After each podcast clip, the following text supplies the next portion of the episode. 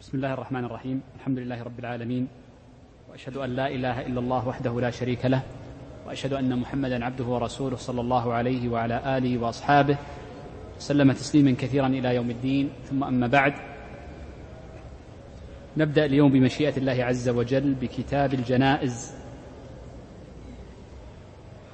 والفقهاء رحمهم الله تعالى يذكرون في هذا الباب أحكام صلاة الجنائز.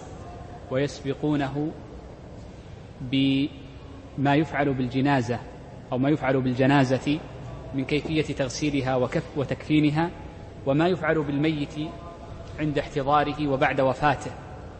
ويتبعون الحديث عن الصلاة بما يفعل به بعد ذلك من كيفية دفنه وما يتعلق بذلك من أحكام. وإنما غلبوا معنى الصلاة لأنها أظهر الأحكام وأجلاها ولذلك جعلت في كتاب الصلاة. يقول الشيخ كتاب الجنائز. الجنائز جمع جنازة أو جنازة والوجهان صحيحان. ويفرق الفقهاء رحمهم الله أو اللغويون رحمهم الله تعالى بين فتح هذه اللفظة وكسرها جنازة وجنازة. فيقولون إنها بالفتح المحمولة التي تحمل هي التي بالفتح جنازة. وأما الحاملون فإنها بالكسر فيقال الجنازة. فالناس الذين يمشون يسمى هؤلاء جنازة. وقيل لا بل إن إنها بالفتح الميت. والنعش هو الجنازة. وقيل إنه يجوز فيها الوجهان. وممن فصل في ذلك القاضي عياض في مشارق الأنوار. على صح على صحاح الآثار وهو من أعظم الكتب في شرح ألفاظ الصحيحين وموطأ الإمام مالك رحمة الله على الجميع. يقول الشيخ تسن عيادة المريض وتذكيره التوبة والوصية. أول مسألة معنا وهي مسألة أنه يسن عيادة المريض. لا شك أن عيادة المريض سنة. وقد ورد عن النبي صلى الله عليه وسلم بضعة أحاديث في فضل عيادة المريض والأجر الكبير المترتب على من عاد مريضا أو زاره. وكيف أن الله عز وجل يثيبه الثواب العظيم. بل جعله النبي صلى الله عليه وآله وسلم من حق المسلم على المسلم الذي يجب عليه فعله. ولكن يهمنا في هذه المسألة بعد معرفة مشروعيتها معرفة أحكام الفقهية المتعلقة بعيادة المريض. فمن أجل الأحكام أن مشهور المذهب أن عيادة المريض سنة. هذا هو المشهور عند المتأخرين. وبعض المتأخرين يذهبون لما اختاره الشيخ تقي الدين أن عيادة المريض من فرض الكفاية لأن النبي صلى الله عليه وسلم عده من حق المسلم على المسلم. هذه مسألة. المسألة الثانية قول الشيخ رحمه الله تعالى تسن عيادة المريض. قالوا المراد بالمريض كل من اتصف بهذا الوصف ولو كان مرضه يسيرا. إذ من الفقهاء كابن المنجى قال إن ثلاثة أمراض من مرض بثلاثة أنواع من المرض لا يعاد. مرض العين بالرمد ومرض السن بالوجع والمرض اليسير. ورووا في ذلك حديثا لكنه لا يصح. يعني رواه ابن الجوزي في الموضوعات وهو كما وصفه ابن الجوزي رحمه الله تعالى. ولكن قد ثبت في الصحيح أن بعض الصحابة قال عادني النبي صلى الله عليه وسلم من وجع في عيني. فكل وجع يمنع من كمال التصرف. والخروج وغير ذلك من كمال التصرفات الذي يستطيعها الشخص فإنه يشرع لها الزيارة. هذه هي المسألة الثانية. المسألة الثالثة أن الفقهاء يقولون إن المريض الذي يعاد هو الذي لا يهجر. فأما إن كان يشرع هجره إما وجوبا أو استحبابا فإنه لا يعاد. نص على ذلك الإمام أحمد. والضابط في كون الشخص يجب هجره أو يشرع هجره من باب الاستحباب سواء كان لمخالفته في الدين أو لبدعته أو لظهور فسقه الأسباب الثلاثة للهجر. فإنه على الراجح أن سبب الهجر إنما يعود تقديره للمصلحة. فإن كان الأصلح والأتم الهجر فإنه يهجر ويسقط مشروعية عيادته إن كان مريضا. وإن كان المصلحة عكس ذلك فإنه لا يهجر ويبقى زيارته على أصلها. المسألة الثالثة أو الرابعة التي ذكرها الفقهاء أنهم قالوا إن ما هو وقت عيادة المريض باعتبار المرض باعتبار المرض. فالمشهور عند عند المتأخرين وهو الصحيح دليلا أن أن المريض يعاد من أول مرضه من حين يمرض. لأن من الفقهاء من يقول لا يعاد المريض إلا بعد ثلاثة أيام. ولكن ظاهر الحديث وهو الذي اعتمده المتأخرون أنه يبدأ العيادة من أول المرض من أوله من مبتدئه. ويستمر المرض وتستمر العيادة ومشروعية العيادة إلى حين الوفاة أو الشفاء من المرض سواء كان عقل المريض معه أو ليس معه. وقد بوب البخاري رحمه الله تعالى بابا في عيادة المريض الذي لا يعرف من بجانبه بأن يكون فاقدا لعقله. طيب المسألة الأخيرة مما يذكره الفقهاء فيما يتعلق بعيادة المريض أن أنهم نقلوا أن الإمام أحمد قال يستحب يستحب أن تكون زيارة المريض وعيادته بكرة وعشية. معنى ذلك أنها ما تكون في نصف النهار. هذا منصوص الإمام أحمد. ولا تكون في الليل. قالوا لأن العادة في ذلك الزمان أن الزيارة وأنسب الأوقات لاستقبال الضيوف إما في أول النهار أو في آخره في العشي العصر. ولذلك فإن ابن مفلح في الفروع قال والأقرب أن هذا باعتبار زمانه. ويتوجه احتمال أن هذا راجع إلى عرف الناس وعادتهم. ولذلك من أراد أن يعود مريضا فليسأل عن الوقت المناسب له الذي يعوده فيه. فليس تشرع الزيارة في كل وقت وإنما في الوقت المناسب للشخص والناس بأعرافهم يختلفون كما قرر ذلك الشيخ محمد بن مفلح عليه رحمة الله. طيب. آه، يعني هناك مسائل كثيرة تتعلق بالعيادة كمدة العيادة كمجلس الشخص السنة أن لا يطيل عند المريض إذا عاد إلا أن يأنس المريض به.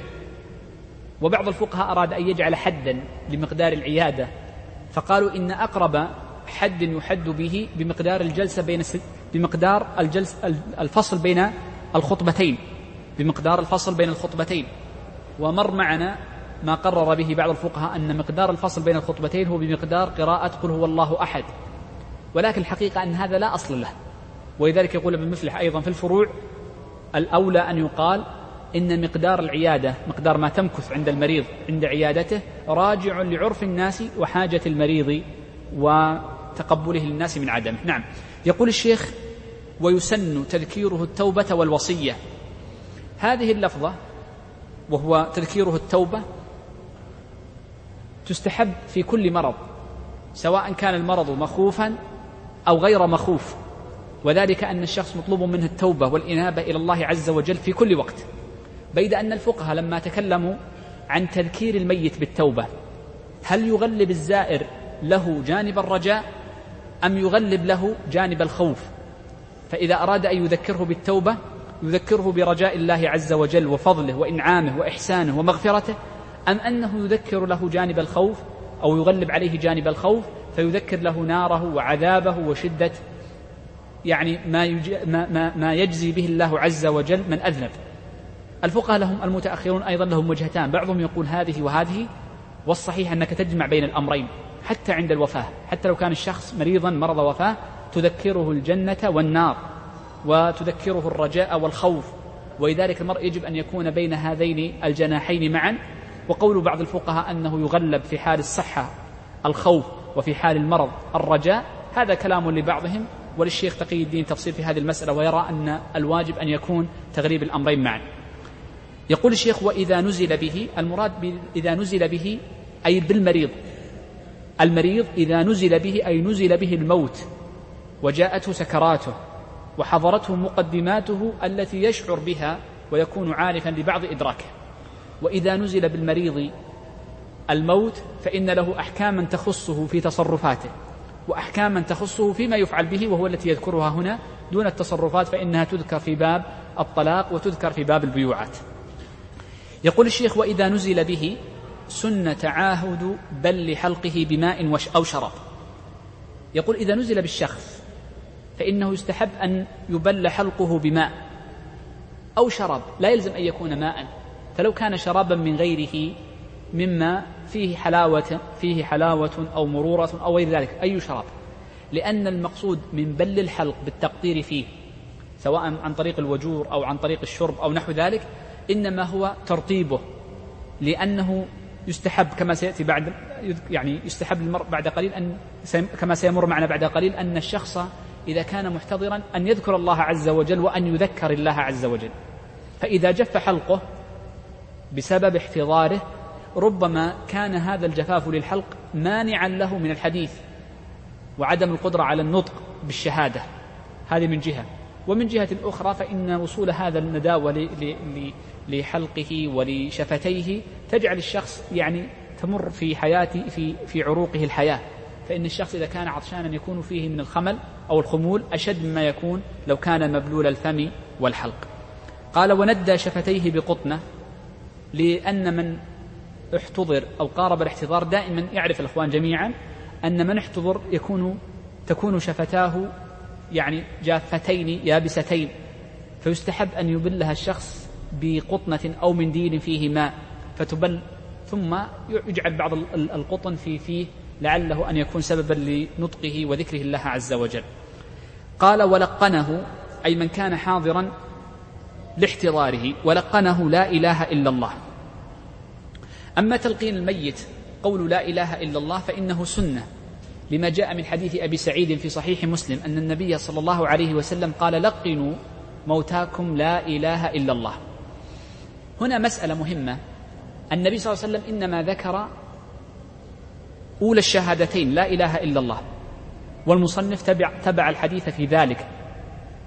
ولذلك الفقهاء يقولون هل يستحب أن يلقن لا إله إلا الله فقط؟ أم أن يلقن الشهادتين معا؟ فيقال لا إله إلا يقال له قل لا إله إلا الله محمد رسول الله. بعض الفقهاء يقول وكلهم من المتأخرين أيضا يقول الاكتفاء بالأولى لظاهر النص ولأنها دالة على ما بعدها. ولأنها دالة على ما بعدها. وبعضهم وهذا الذي ذكره ابن مفلح أيضا توجيها وذكره بعض المتأخرون تبعوا له أنه قال يذكر الثنتين معا أشهد أن لا إله إلا الله أو لا إله إلا الله وأشهد أن محمدا رسول الله. والأمر في ذلك واسع ولو اكتفي بأولى الشهادتين وهي, الهي وهي التهليل لكفى بذلك لظاهر النص وهو الذي ذكر كثير من المتأخرين. قال ولقنه لا إله إلا الله مرة واحدة. مرة واحدة. آه، قوله لقنه لا إله إلا الله مرة أي لا يكثر عليه من التلقين. لأن المرأة إذا أكثر من تلقين المحتضر إذا أكثر من تلقينه ربما كان منه نفرة من هذه الكلمة أو غضب. فأبى أن يقولها لما نزل به من الشدة. ولكن لا يكون التلقين إلا مرة. ومعنى التلقين أن يقال له قل لا إله إلا الله. وأما التذكير فإنه يشرع التذكير مطلقا. يشرع التذكير بأن يذكر عنده لا إله إلا الله مثلا وغير ذلك. وأما التلقين قل فلا تقال إلا مرة. لظاهر النص أنه يقول لقنوا موتاكم لا إله إلا الله. طيب. قال ولا يزيد عن على ثلاث. ولا يزيد عن ثلاث مرات لأن دائما النصوص جاءت بالثلاث. ولا يزيد عليها لكي لا يضجر عن الثلاث عن الثلاث. والسنة تحصل بمرة. قال إلا أن يتكلم بعده. يعني بعد يعني المحتضر هذا إذا لقن الشهادة فتشهد. ثم تكلم بعدها بأي كلام من الدنيا أوصى ذكر أي حديث من حديث الدنيا شرع أن يلقن مرة أخرى. ولو زاد عن الثلاث. ودليلهم في ذلك قالوا قول النبي صلى الله عليه وسلم من كان آخر كلامه من الدنيا لا إله إلا الله. فهذا الرجل لما تلفظ بالشهادة ثم تكلم بعدها فإنه يشرع زيادته تلقينه مرة أخرى ولو زاد عن الثلاث. قال إلا أن يتكلم بعده أي بعد تشهده الأول فيعيد تلقينه ليكون آخر كلامه كما سبق معنا في حديث الذي رواه أبو داود وأحمد من حديث معاذ. رضي الله عنه. قال ويقرأ عنده ياسين. قراءة ياسين عند المحتضر وردت بها السنة. فقد جاء عند الإمام أحمد من حديث معقل بن يسار رضي الله عنه أن النبي صلى الله عليه وسلم قال اقرأوا على موتاكم ياسين. وهذا الحديث لبعض أهل العلم بعض أهل العلم صححه. وبعضهم وهم الأكثر ضعفوه. وعلى العموم أصح حديث في سورة ياسين هو هذا الحديث. وله ما يعضده من فعل الصحابة رضوان الله عليهم من قراءة القرآن على الميت. ولذلك لم ينكر أحد من العلماء مطلقا عفوا قراءة على المحتضر. ولذلك لم ينكر أحد من العلماء البتة. قراءة القرآن على المحتضر بل هو سنة. قراءة القرآن مطلقا. فهذا الحديث وإن لم يصح حديث ياسين لكن معناه وما جاء عن الصحابة رضوان الله عليهم وما عمل به المسلمون بعد ذلك أن المحتضر يقرأ عنده القرآن. وعلى ذلك فنقول يستحب قراءة القرآن مطلقا سواء كان الفاتحة أو غيرها. وسورة ياسين لأن بعض أهل العلم حسنه كالترمذي إن لم أكن واهما لأني نسيت. فيستحب قراءتها على المحتضر. والسبب في ذلك أن القرآن كلام الله عز وجل. منه بدأ وإليه يعود. فإذا قرئ على الميت في ذلك الموضع الشديد الهول فإن من أشد ما يقابل المرء في حياته موضعان عندما يخرج من بطن أمه وعندما يفارق الدنيا ينتقل من حياة إلى حياة. فإذا قرئ عليه في ذلك الموضع كلام الله عز وجل اطمأنت نفسه ورجعت إليه روحه وهدأ روعه. فكان سببا بأمر الله عز وجل في سهولة خروج روحه من جهة. ومن جهة أخرى لعله أن يكون سببا في ذكره الله عز وجل. فيكون آخر ما يقوله من الدنيا لا إله إلا الله. ولذلك فإن قراءة القرآن على المحتضر سنة. انظر. أما قراءة القرآن بعد الوفاة فإنه بدعة. لم يثبت أنه قرئ على ميت بعد الوفاة قرآن البتة. فقراءة القرآن بعد الوفاة بدعة. هذا الثاني. الثالث ومثله أيضا قراءة القرآن عند القبر بدعة. الأمر الثالث قراءة القرآن وإهداؤه للميت. انظر ثلاث مسائل تختلف. الأولى سنة باتفاق وهي قراءة القرآن على المحتضر حال احتضاره. الثانية بدعة بلا شك وهي قراءة القرآن على الميت. أو على القبر بدعة بلا شك. الحالة الثالثة قراءة القرآن وإهداؤها للميت بعد وفاته سواء دفن أو لم يدفن جهز أو لم يجهز هذه المسألة فيها خلاف بين أهل العلم. وجمهور أهل العلم على أنه يجوز قراءة القرآن وإهداء ثوابه للميت ونقل ذلك عن بعض الصحابة. وإنما خالف الإمام الشافعي رحمه الله تعالى فقال لا يجوز إهداء الثواب القراءة للميت. وهذا قول الإمام الشافعي. وهو الذي اختاره الأئمة الدعوة الشيخ محمد بن عبد الوهاب وتلامذته من بعده. وأما الجمهور كمالك وأبي حنيفة وأحمد وما نقل عن بعض الصحابة رضوان الله عليهم واختيار الشيخ تقي الدين وتلميذه فإنهم يرون أنه يعني يجوز إهداء ثواب القراءة للميت. وهذه مسألة ربما يأتي لها مجال غير هذا المجال. المقصود أننا يجب أن نفرق بين الأمور الثلاثة قراءة القرآن على المحتضر وقراءتها على الميت وقراءتها وإهداء ثوابها. وما جاء في رسالة الخلال أبي بكر الخلال في القراءة على الميت محمول كل ما نقل فيه عن الصحابة على النوع الثالث وهو إهداء الثواب وهو إهداء الثواب. نعم. نعم. يقول الشيخ نعم ولم يزد نعم آه قال ويقرأ عنده ياسين ذكر الحديث الذي في المسند. قال ويوجهه إلى القبلة. أي ويوجه المحتضر إلى القبلة. هنا التوجيه أول شيء يشمل اثنين. يشمل المحتضر ويشمل الميت أيضا. فالتوجيه للقبلة يشمل الاثنين المحتضر والميت. وأما التي قبل فإنما هي خاصة بمن؟ بالمحتضر. إلا الجملة الأخيرة فإنها تشمل المحتضر وتشمل غيره. بل إن الفقهاء يقولون تشمل المريض وإن لم ينزل به يعني وإن لم يأته سكرات الموت وإن لم ينزل به أيضا يوجه إلى القبلة في هذه الحالة. إن كان يعني ميؤوس من حاله يوجه للقبلة لعل الله عز وجل أن يخفف عنه. الدليل على ذلك طبعا ما جاء من حديث عبيد بن عمير عن أبيه أن النبي صلى الله عليه وسلم قال عن القبلة هي قبلتكم أحياء وأمواتا. فتكون للشخص حال وفاته سواء بعد وفاته أو بعد يعني أو بعد دفنه كما سيمر معنا إن شاء الله في الدرس الذي القادم أو الذي بعده. طيب عندنا هنا مسألة مهمة جدا. كيف يكون توجيه المحتضر إلى القبلة؟ ومثله الميت بعد وفاته. فيه وجهان لأهل العلم فالمعتمد عند جمهور المتأخرين أن توجيه الميت يكون بوضعه على شقه الأيمن. فيجعل على شقه الأيمن كهيئة الصلاة. لقول النبي صلى الله عليه وسلم في حديث عمران بن الحسين في الصحيح صل قائما فإن لم تستطع فجالسا فإن لم تستطع فعلى جنب. فيقولون يكون توجيهه للقبلة بجعله على شقه الأيمن. فإن لم يك كذلك جعل على ظهره وقدماه للقبلة وقدماه للقبلة وهذا هو المعتمد عند المتأخرين.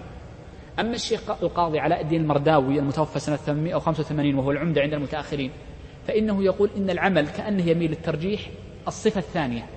وهو أن يجعل على قفاه وتكون قدميه متجهة إلى القبلة.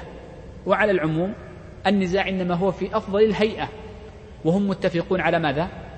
على أنه يستحب توجيهه للقبلة وإنما النزاع في أفضلية الهيئة. فإن أمكن من غير مشقة على المحتضر أن يجعل على شقه الأيمن فحسن وإلا فإنه يجعل على قفاه وتجعل قدم وتجعل قدماه متجهة إلى القبلة. طيب. يقول الشيخ فإذا مات أي هذا المحتضر. سن تغميضه سن تغميضه. إيه، لما ثبت عند المسند أن النبي صلى الله عليه وسلم قال إذا حضرتم موتاكم فأغمضوا أعينهم. فإن العين فإن العين تشخص تتبع الروح. فإن العين تشخص فتتبع الروح. وجاء من حديث أم سلمة رضي الله عنها أن النبي صلى الله عليه وسلم دخل على أبي سلمة رضي الله عنه لما توفي فوجد عينيه قد شخصتا. فأغمض عينيه صلوات الله وسلامه بيديه الشريفتين.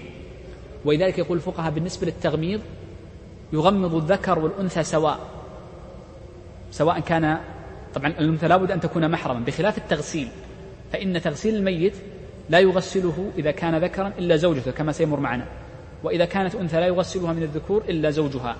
وأما التغميض فيقوم به أي من الذكور إذا كان ذكرا أو من الإناث إذا كانت من محارمه والعكس. طيب يقول الشيخ وشد لحييه. أي ويستحب شد لحييه بمعنى أن يغلق فاه إن كان إن كان قد انفتح فاه فيغلق. وسأذكر هيئة الإغلاق بعد قليل. السبب في ذلك والدليل طبعا الدليل ما جاء عن عمر سأذكره بعد قليل. والسبب قالوا لأن الروح تخرج من في الشخص. يذكرون ذلك. فتتبع فيتبعها البصر فتشخص البصر. فإذا بقي الفم مفتوحا ربما دخل فيه شيء من الدواب كالذباب والغبار وغير ذلك. وإذا جاء في التغسيل ولم يغلق عند أول الوفاة ربما صعب إغلاق فكه مثل ما سيأتي معنا بعد قليل في تليين المفاصل. فإن لم يغلق في أوله فإنه يصعب بعد ذلك يغلق فيكون هيئة ليست بالمناسبة. والإنسان يعني يناسب أن تكون هيئته ميتا على هيئة كريمة وألا يكون مفتوح الفم ولذلك يستحب إغلاق فمه. كيف يكون يعني إغلاق اللحيين؟ جاء عن عمر كما عند ابن أبي شيبة أنه قال اجعل يدك يعني اليمنى على جبهتي واليسرى على لحيي هكذا يغلقه على هذه الهيئة فيغلقه بهذه الهيئة. فإذا أغلقه وانغلق وحده فالحمد لله. فإن كان ربما ينفتح شده بخرقة ونحوه حتى ييبس فإذا يبس أصلا لا ينفتح بعد ذلك إلا بعض الناس لظروف معينة عندهم. إذا شد المراد بالشد ليس دائما الربط وإنما شده لمن كان ربما انفتح فيه وإنما ابتداؤه يكون بالهيئة التي ذكرتكم فيما نقل عن عمر أوصى به ابن أوصى به ابنه عبد الله بن عمر. نعم. قال وتليين مفاصله. المراد بالمفاصل التي تلين مفصل المرفق ومفصل العضد هذا إيش يسمى المفصل هذا؟ الكتف مفصل الكتف هذان المفصلان. ومفصل الركبة ومفصل الفخذ ومفصل الفخذ كيف يكون تليل المفاصل؟ قالوا بأن يجمع ذراعه إلى عضده ثم يبعدها وعضده إلى جذعه ثم يبعدها على هذه الهيئة. يعني يرفع يده وينزلها ثم يشد ذراعه ويرخيها. ما السبب في تلين المفاصل؟ لأن المرأة إذا لم تلين مفاصله في أول وفاته قبض روحه ربما يبست مفاصله على هيئة لا تناسب غسله. ولذلك تجد عند التغسيل بعض الموتى تكون لم تلين مفاصل لم تكن مستقيمة يده فتجد على هيئة ليست بالمناسبة. والإنسان يعني يحترم في حال وفاته فالأنسب أن يكون على هيئة طيبة كما سيمر معنا إن شاء الله بالتفصيل في كيفية تغسيل الميت. فهذا يعني أسهل لتغسيله. قال وخلع ثيابه. السنة أن أن أن تخلع الثياب عن الميت. وأدري على ذلك نبدأ بدليلها ما ثبت في المسند. وسنن أبي داود أن النبي صلى الله عليه وسلم لما قبض سأل الصحابة هل نجرده كما نجرد موتانا؟ مما يدل على أن التجريد مستقر عند الناس. بينما انظر هنا تجريد الميت من ثيابه له وقتان. عند التغسيل هذا لا شك فيه. وسيمر معنا. قبل التغسيل استحب تجريده من ثيابه لأنه في هذا الوقت قد ينتفخ بعده قد ينتفخ الشخص. الحر ينفخ. بعض الظروف الجوية تجعل الشخص ينتفخ ليس عيبا فيه ولا في ديانته. أن ينتفخ الشخص قد ينتفخ فيصعب إزالة ثيابه. فيصعب إزالة ثيابه. هذا من جهة. من جهة أخرى قد يكون في ثيابه يعني حاجة له. وقد ذكرت لكم قبل مثلا لما جاء أن سفيان بن سعيد الثوري رحمه الله تعالى ورضي عنه لما توفي وقبض لما جردوا نطاقه الذي يربط به إزاره وجدوا فيه ماذا؟ ورقة فيها أطراف حديث. فقد عندما يكون تجريده أهله يجردون قد يجدون في ثيابه شيء أو حاجة أو أن أمرا يكره أن يراه الناس وهكذا فلذلك يجرد مبكرا قبل تغسيله يكون أنسب. نعم. قال وستره بثوب أي ويستحب ستره بثوب. كما فعل بالنبي صلى الله عليه وسلم كما ثبت من حديث آه، عائشة رضي الله عنها أن النبي صلى الله عليه وسلم سجي بثوب حبرة. فسجي النبي صلى الله عليه وسلم بهذا الثوب والحديث الصحيحين. قال ووضع حديدة على بطنه أي ويستحب أن يجعل على بطنه شيء ثقيل مثقل كالحديدة. وأتى المصنف بالحديدة موافقة للأثر المروي فإنه روي أن أنس بن مالك رضي الله عنه توفي له مولى فأمر أن يجعل على بطنه حديدة فأتى بالحديدة من باب المثال لا من باب التأكيد ولأن الحديدة حجمها صغير لكن وزنها ثقيل فلو أغنى عن الحديدة غيرها مما يأتي بالغرض فيكون مناسب والفائدة من ذلك لكي لا ينتفخ بطنه فيكون على هيئة ليست بمناسبة فيجعل في هذه. طيب. قد ينوب عن هذه الأمور التي تجعل لتغيير الهيئة جعله في الثلاجة. نقول نعم. الآن جاء وضع الثلاجة لأنها لا تغير هيئة الميت فنقول يستحب يستحب جعله في الثلاجة لكي لا يتغير على هيئته ويبقى على هيئة على هيئته الطيبة. طبعا الأثر عن أنس بعض أهل العلم تكلم فيه لكن على العموم هو من الآثار. نعم يقول الشيخ ووضعه على سرير غسله متوجها منحدرا نحو رجليه. يقول الشيخ أن مما يستحب أن يجعل الشخص على سرير غسله غسله المحل الذي يغسل عليه. ويكون متوجها متوجها أي إلى القبلة منحدرا نحو رجليه يعني يكون سرير مغتسله مائل قليلا ويكون النزول من جهة الرجلين. قالوا لسببين. السبب الأول إذا كان في بطنه شيء من يعني الفضلات فقد تخرج من الميت قد يخرج منه يعني غائط أو يخرج منه أحيانا بول فإذا خرجت فإنها تنزل فيكون نزولها من باب السفل ولا تنزل جهة رأسه والرأس مكرم هذا من جهة. الأمر الثاني أنه قال يجعل على على على سرير غسله يعني اغتساله فإذا سكب عليه الماء فإنه إذا كان مائلا لم يأتي الوسخ والثفل إلى رأسه وإنما ينزل. طبعا الآن يعرف الإخوان في المغسلة في المسجد هذا وفي غيره من المغاسل أن الوضع اختلف الآن.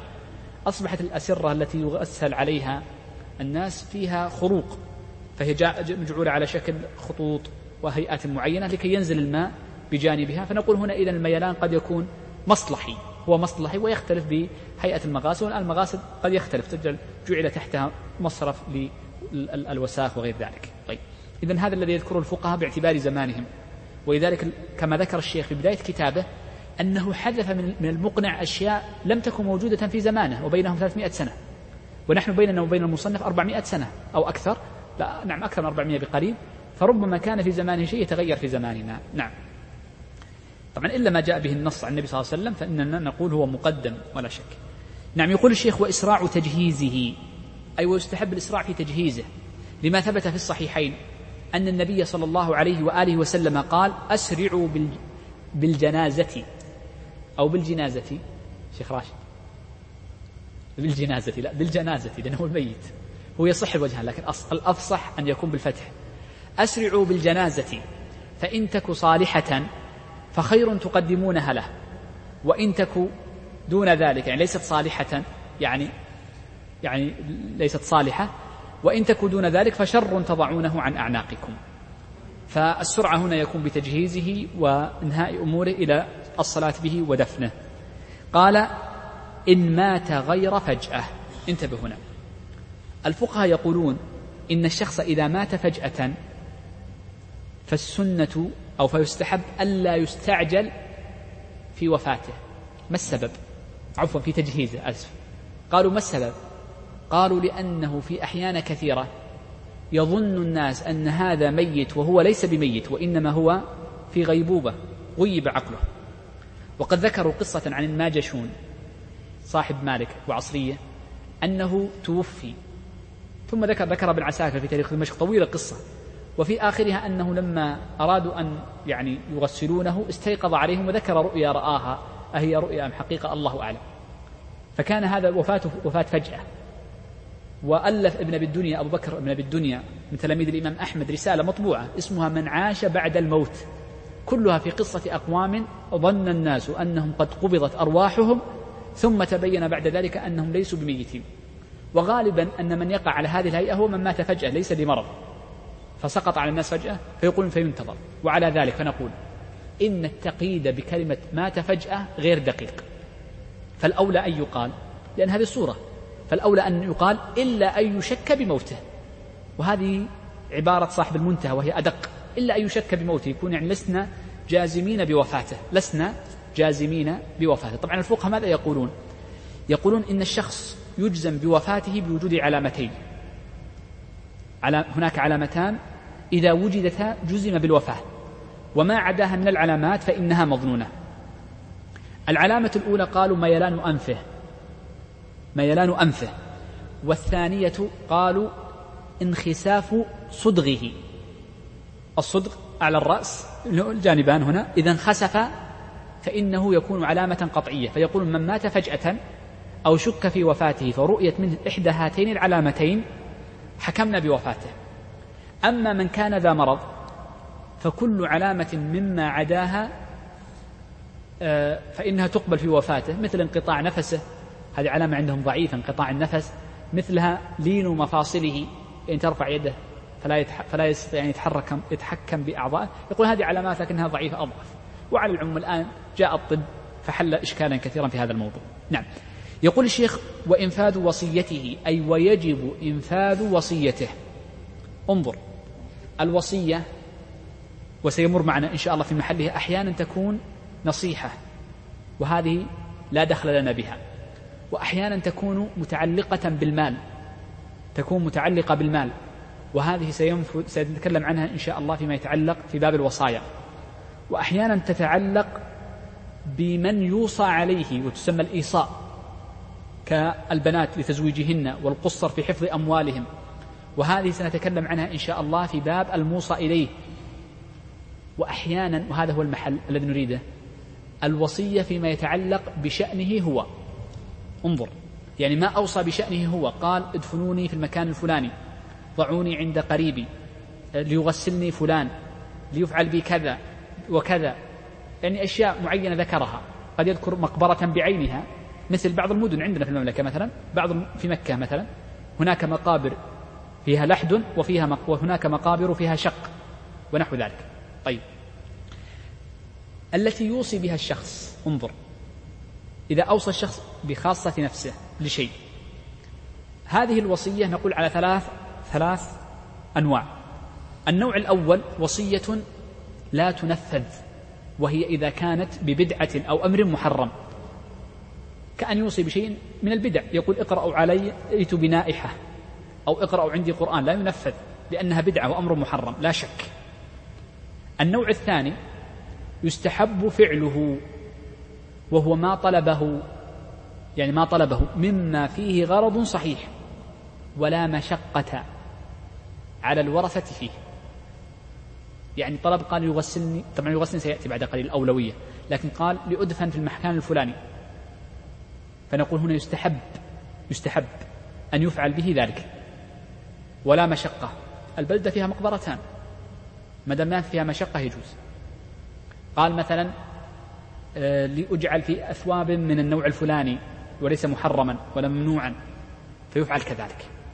انظر النوع الثالث مما أوصى به في خاصة نفسه في طريقة تجهيزه قالوا ما لا يلزم فعله.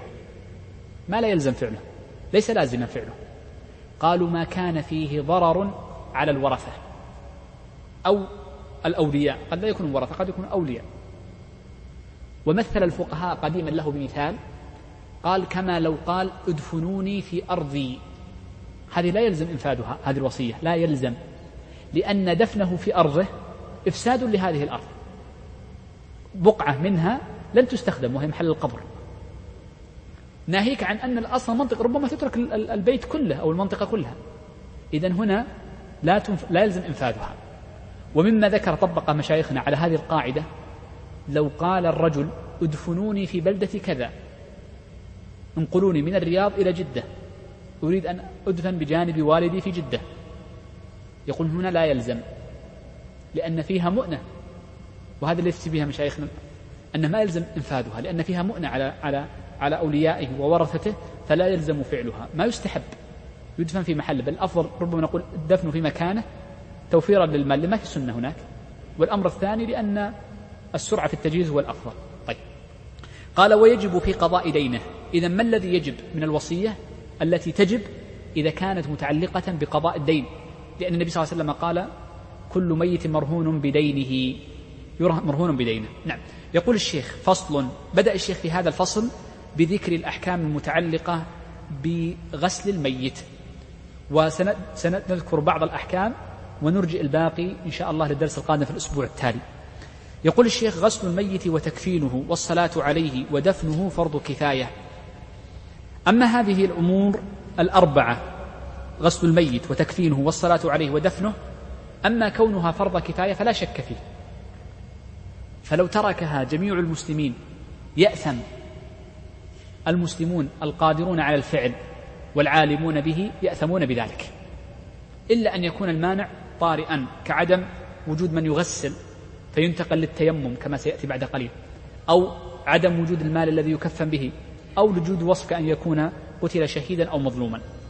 والدليل على أن هذه الأمور واجبة أن النبي صلى الله عليه وسلم كما ثبت في الصحيحين قال في الذي سقط من دابته عخصته دابته فسقط وهو محرم قال اغسلوه بماء وسدر وكفنوه في ثوبيه. فدل على أن التغسيل واجب وأن الكفن واجب.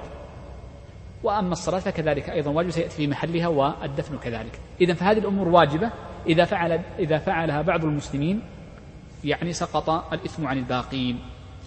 هنا كلمة بس تذكر في هذا المكان وأحدثت إشكال ذكرها الشيخ قاضي علاء الدين في التنقيح وسبت إشكالا استنكرها المؤلف في حواشي التنقيح. أنه قال عبارة مؤدى كلمته قال إلا أن يكون يقول الشيخ قاضي علاء الدين ورداوي يقول إلا أن يكون قد وجب عليه غسل شوف إلا أن يكون قد وجب عليه غسل كغسل جنابة أو من حيض. فيكون فرض عين. انظر فيكون فرض عين. وتبع على هذه العبارة صاحب المنتهى. هذه الكلمة أشكلت. قالوا أصلا هو تغسيله فرض كفاية. بالنسبة للناس. لا بالنسبة له. بالنسبة له يجب تغسيله الميت. فكيف يكون فرض عين؟ وضح الإشكال الآن. وهذا الذي انتقده الشيخ موسى المؤلف آه، المنقح في حواشي التنقيح. وجهت من الخلوة وغيره قال أنها توجه توجيه أنه يقصد أن الشخص الذي يغسل الميت إذا كان الميت قد وجب عليه الغسل إما لدخوله في الإسلام حديثا أو لجنابة أو لحيض أنه يؤجر أجر آه، فرض العين من باب الأجر. والحقيقة هذا في تكلف ولذلك المصنف في الزاد حذفها وهو الصواب. يعني أقرب فيها تكلف توجيه هذه العبارة. طيب. يقول الشيخ وأولى الناس بغسله. بدأ الشيخ بذكر من أولى الناس بغسل الشخص. والحديث عن أولى الناس إنما هو عند المزاحمة. والنبي صلى الله عليه وآله وسلم وهو أطهر وأكرم خلق الله عز وجل لما توفي تزاحم الناس في غسله.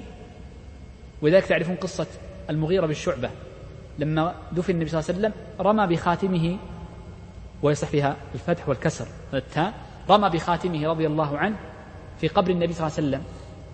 ثم قال انظروني سقط خاتمي. فنزل فأخذ خاتمه وقبل النبي صلى الله عليه وسلم وقال كنت آخر الناس عهدا بالنبي صلى الله عليه وسلم وصدق. وهذا من حيلته التي استخدمها استخداما صحيحا. فالنبي صلى الله عليه وسلم يتزاحم الناس عليه لشرفه ومكانته. ولذلك إذا تزاحم الناس في تغسيل شخص. فالحديث الآن عند وجود التزاحم لا من لا ليس تعلق الوجوب بهم ليس تعلق لأن تعلق الوجوب متعلق بعموم المسلمين. شوف هو متعلق بعموم المسلمين وإنما هنا الأولوية عند التزاحم عند التشاق. كل يريد يقول أنا الذي أغسل. قال أولهم وصيه. أول من يغسل الرجل وصيه أي الذي أوصى أن يغسله. وشرط وصيه أن يكون عدلا. إذ لو لم يكن عدلا انتقلت لمن بعده. وأن يكون عالما وسنتكلم عنها إن شاء الله بعد قليل. قضية العلم والعمل العلم والعدالة وسنذكرها إن شاء الله بإذن في حديث عائشة بعد قليل إن شاء الله. الأمر الثاني يشترط أن يكون ذكرا.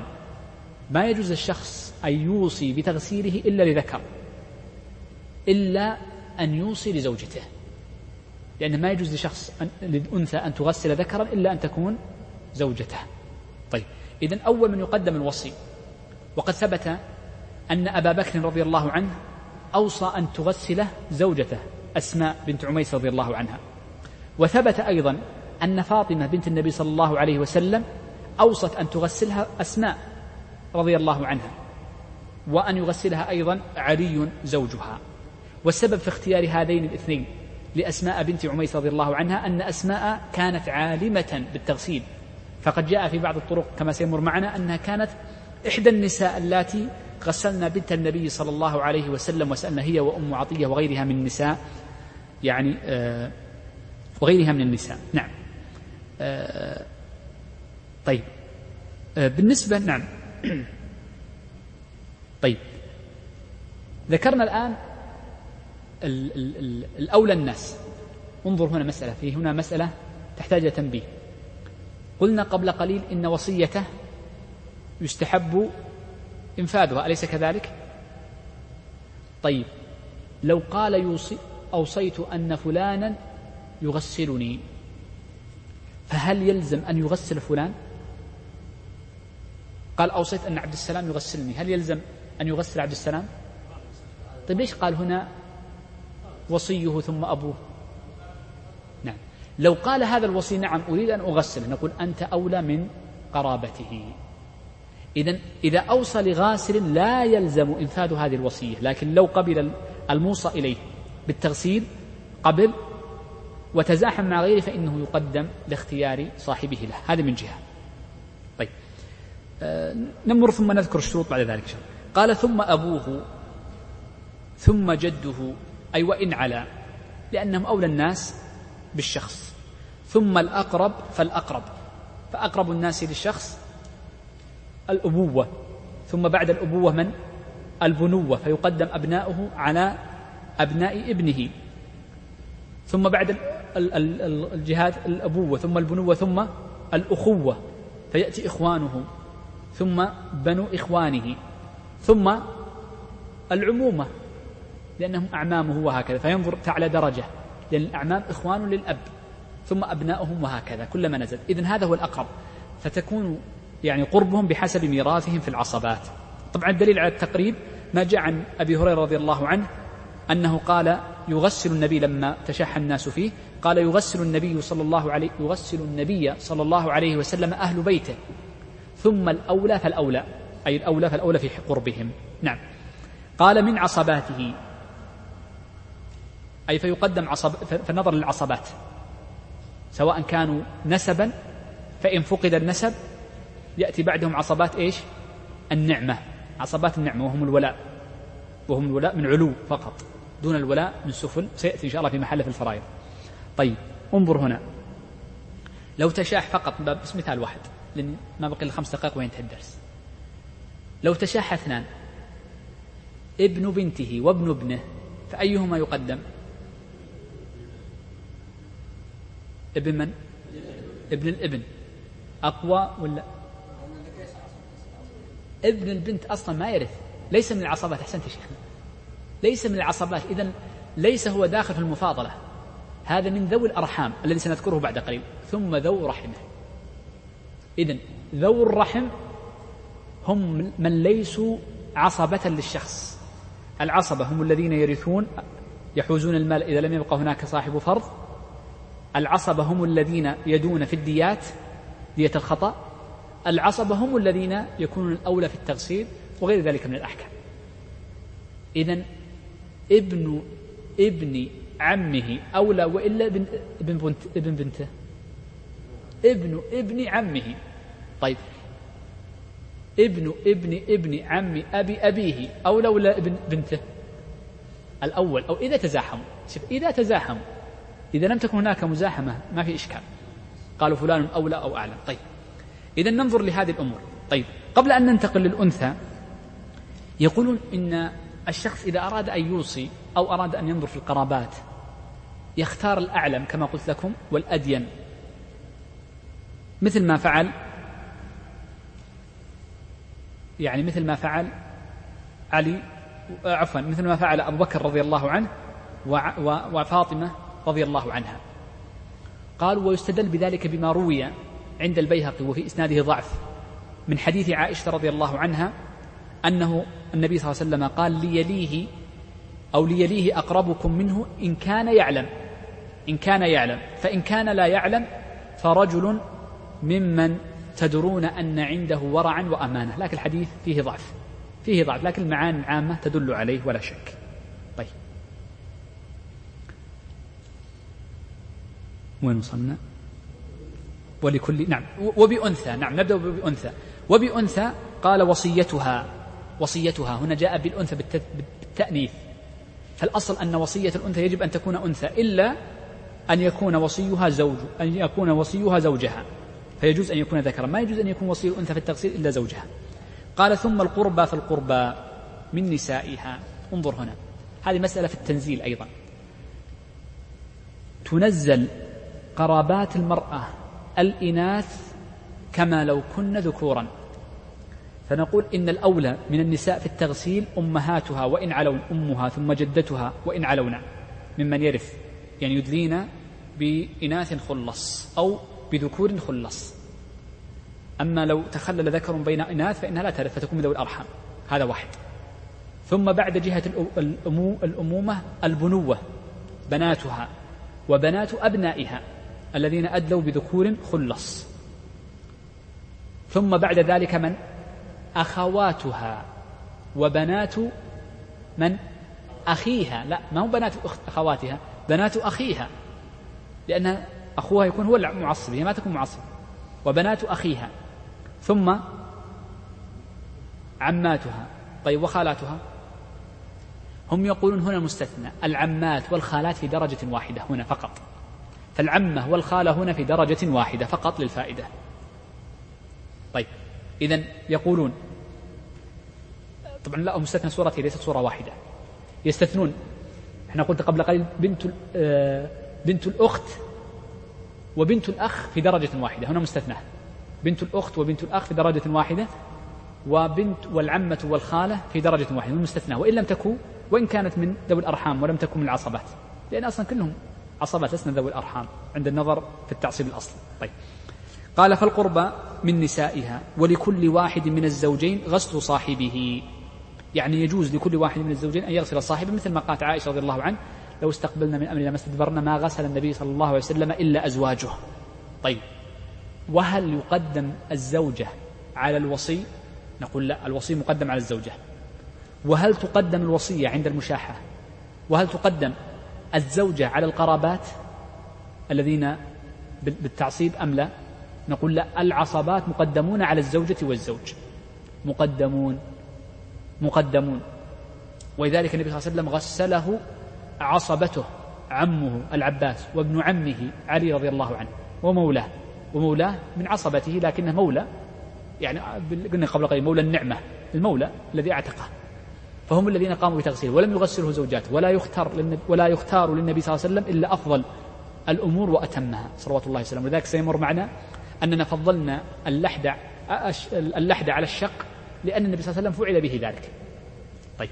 فذاك الزوجة ليست أفضل أن تغسل وإنما إلا أن تكون وصيا وصية. نعم. قال وكذا سيد مع سريته أي يجوز للسيد أن يغسل سريته أي أمته التي وطئها. لأنه استباح يعني بضعها فإذا استباح البضع كان كالزوجة بل ملكه عليها أقوى لأن عقد الملك أقوى من عقد النكاح. طيب لو تشاح الزوج والسيد فأيهما يقدم؟ قالوا الزوج أقوى من السيد. الزوج أقوى من السيد لكن قرابات أقوى من الجميع. يقول الشيخ ولرجل وامرأة غسل من له دون سبع سنين فقط. الفقهاء يقولون هذه قاعدة عندهم. أن من كان دون سبع سنين يعني عمره أقل من سبع سنوات فليست له عورة. هذه قاعدة قاعدة قاعدة. بل إن ابن المنذر أبو بكر بن المنذر رحمه الله تعالى حكى الإجماع على أنه يجوز التغسيل تغسيل من دون سبع سنوات. يجوز أن يغسل الذكر الأنثى والعكس. ولماذا القاعدة عندهم ما هي؟ أن من دون سبع ليست له عورة. ما الذي يترتب عليه؟ أنه يجوز النظر إلى عورته. يجوز أن ينظر الشخص لعورة من دون الست أعفو من دون السبع سنوات كست وما دون ولكن لا شك أن الأب والأم يجب عليهم أن يعودوا أبنائهم على تمام العفاف والستر. وذاك لو, لو, لو خرجت بنت دون السبع ولو ظهر بعض عورتها كساقها ويدها ووجهها ونحرها فإن الأمر سهل. يجوز لأنه لا عورة لها. لا عورة لها. لكن يجب على الأم والأب أن يعودوا بناتهم من صغرهن على الستر. وألا يلبسن إلا اللباس الضافي الشرعي التام لأن وينشأ ناشئ الفتيان فينا على ما كان عوده أبوه. فإذا كان العود يعني لينا في صغره فأملته على دين ومحبة الستر أحبت النساء في صغرهن ذلك ونشأن عليه في كبرهن. طيب مفهوم هذه الجملة أن الصبي إذا بلغ سبعا لا يجوز أن تغسله أنثى وهذا صحيح سب فما فوق. وكذلك العكس الأنثى إذا بلغت سبعا فما زاد فلا يجوز لذكر أن يغسلها إلا أن يكون زوجا أو تكون زوجة له. طيب يقول الشيخ وإن مات رجل بين نسوة وعكس أو عكسه يمم. يعني يقول أن الشخص إذا مات الرجل بين نساء في مكان لا يوجد فيه رجال. مثل يعني لو فرض أبو ذر رضي الله عنه مات في الربذة ولم يكن عنده إلا زوجته ولكن أبو ذر رضي الله عنه دعا الله عز وجل أن يقيض له أناسا صالحين يقومون بمؤنة تجهيزه. فجاء قوم من الكوفة وكان فيهم عبد الله بن مسعود رضي الله عنه فقاموا بتجهيزه. لكن لو مثله كان في مكان لا يوجد فيه إلا نساء وهذا كثير. كيف يغسل هذا الرجل؟ أو العكس ماتت امرأة بين رجال كيف يكون تغسيلها؟ يقول لا تغسل ينتقل للبدل. فهذا عجز عن التغسيل عجز حكمي عجز حكمي. طبعا بعض الفقهاء يقول يسكب من فوق الثوب وهذا وجه لبعض المتأخرين وهو قول قوي. لكن ربما يكون في أذية الميت قد يتعفن لأنك ما يعني ما نظفته جيدا قد مع ثيابه لأنك لا تزيل عن ثيابه قد يعني يكون في ضرر عليه. لكن إن أمن الضرر فهو قول متجه لا شك لا شك متجه لأن سيمر معنا أن أقل التغسيل هو تعميم البدن. لكن لو يمم أجزاء. واستدل الفقهاء على تفضيل التيمم على تعميمه بالماء يعني سكب الماء بما روي عند الطبراني ولكنه ضعيف والصحيح أنه مرسل أن النبي صلى الله عليه وسلم قال إذا مات رجل بين نسوة أو نسوة بين رجال يمم. كيف يكون تي تيميمه؟ قالوا يكون يعني فعل التيمم له بثلاث صور واحدة من ثلاث صور. إما أن تؤخذ يداه فيضرب بهما العفور ثم يمسح بهما وجهه وظاهر كفيه وهذا صعب قد يكون للميت. صعب لأن تحريك يديه ومفاصل الصعب. الحالة الثانية أن يأتي المغسل. شوف يأتي المغسل فيضرب هو بيديه بكفيه الصعيد الطيب ثم يمسح بهما وجهه ويديه يدي الميت. وهذا مقبول فيما لو كان ذكر مع ذكر أو أنثى مع أنثى وأما الأنثى فلا تفعل ذلك. الصورة الثالثة هي التي تفعل هنا. هو أن يضرب على الصعيد الطيب يعني على على, الأرض بخرقة. خرقة يضربها ضربة واحدة ثم يمسح بهذه الخرقة الوجه والكفين وهذا مجزئ بإذن الله عز وجل. طيب قال كخنثى مشكل.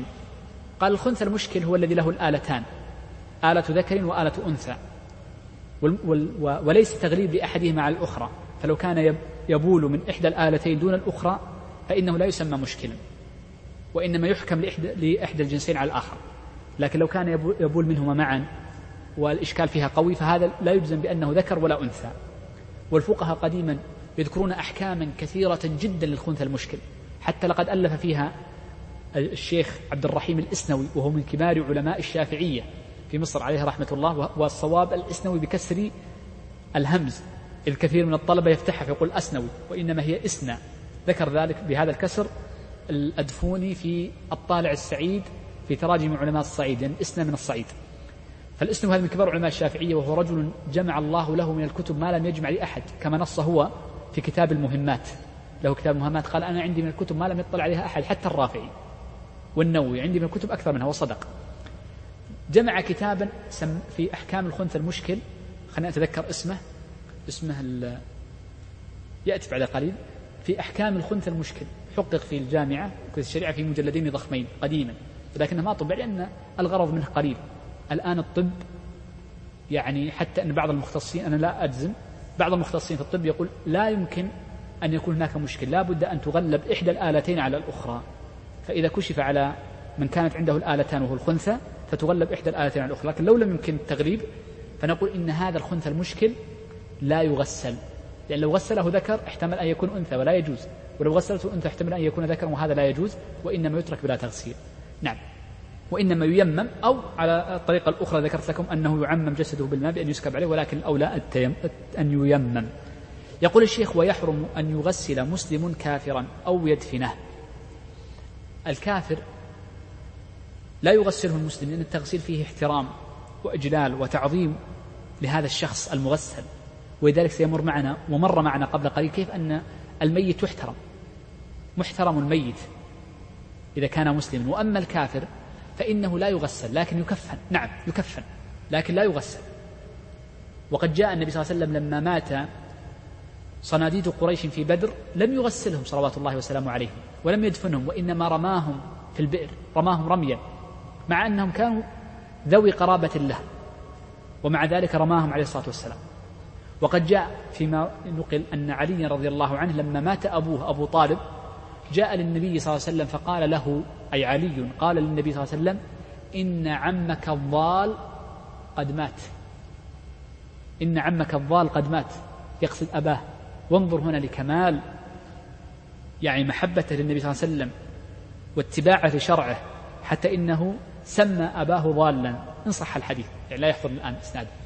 فقال له النبي صلى الله عليه وسلم كفنه لم يذكر تغسيله وواره إذا لا يدفن وإنما يوارى. ولذلك يقول أو يدفنه على السنة طريقة الدفن سنمر عليها بعد قريب. وإنما يوارى أي يجعل تحت الأرض ليوارى لعدم أي فيعدم لكي لا, لا ينتن بريحته فيجعل في في حفرة أو يجعل في بئر أو غير ذلك من الأمور التي تجعل. ولكن الاحترام في التغسيل والاحترام في الصلاة والاحترام في الدفن إنما تكون للمسلم. بذلك يعني بحمد الله عز وجل أنهينا درس اليوم. إن شاء الله الدرس القادم آه، نكمل ما يتعلق بالجنائز. هنا مسألة بس فقط. آه، بعض الإخوان اقترح اقتراحا وأنا أستشيركم قبل أن أبدأ به أنه يكون يعني بعد الدرس مدة عشر دقائق نأخذ بيت أو بيتين من منظومة القواعد الفقهية لسببين. السبب الأول لطرد السآمة فمن باب التغيير يكون هناك درسان بدل من أن يكون درسا واحدا. هذا من جهة. من جهة أخرى يعني الكتاب طويل الزاد ربما يأخذ منا سنتان إضافة للسنة هذه التي نحن فيها. ربما أو أقل إن شاء الله.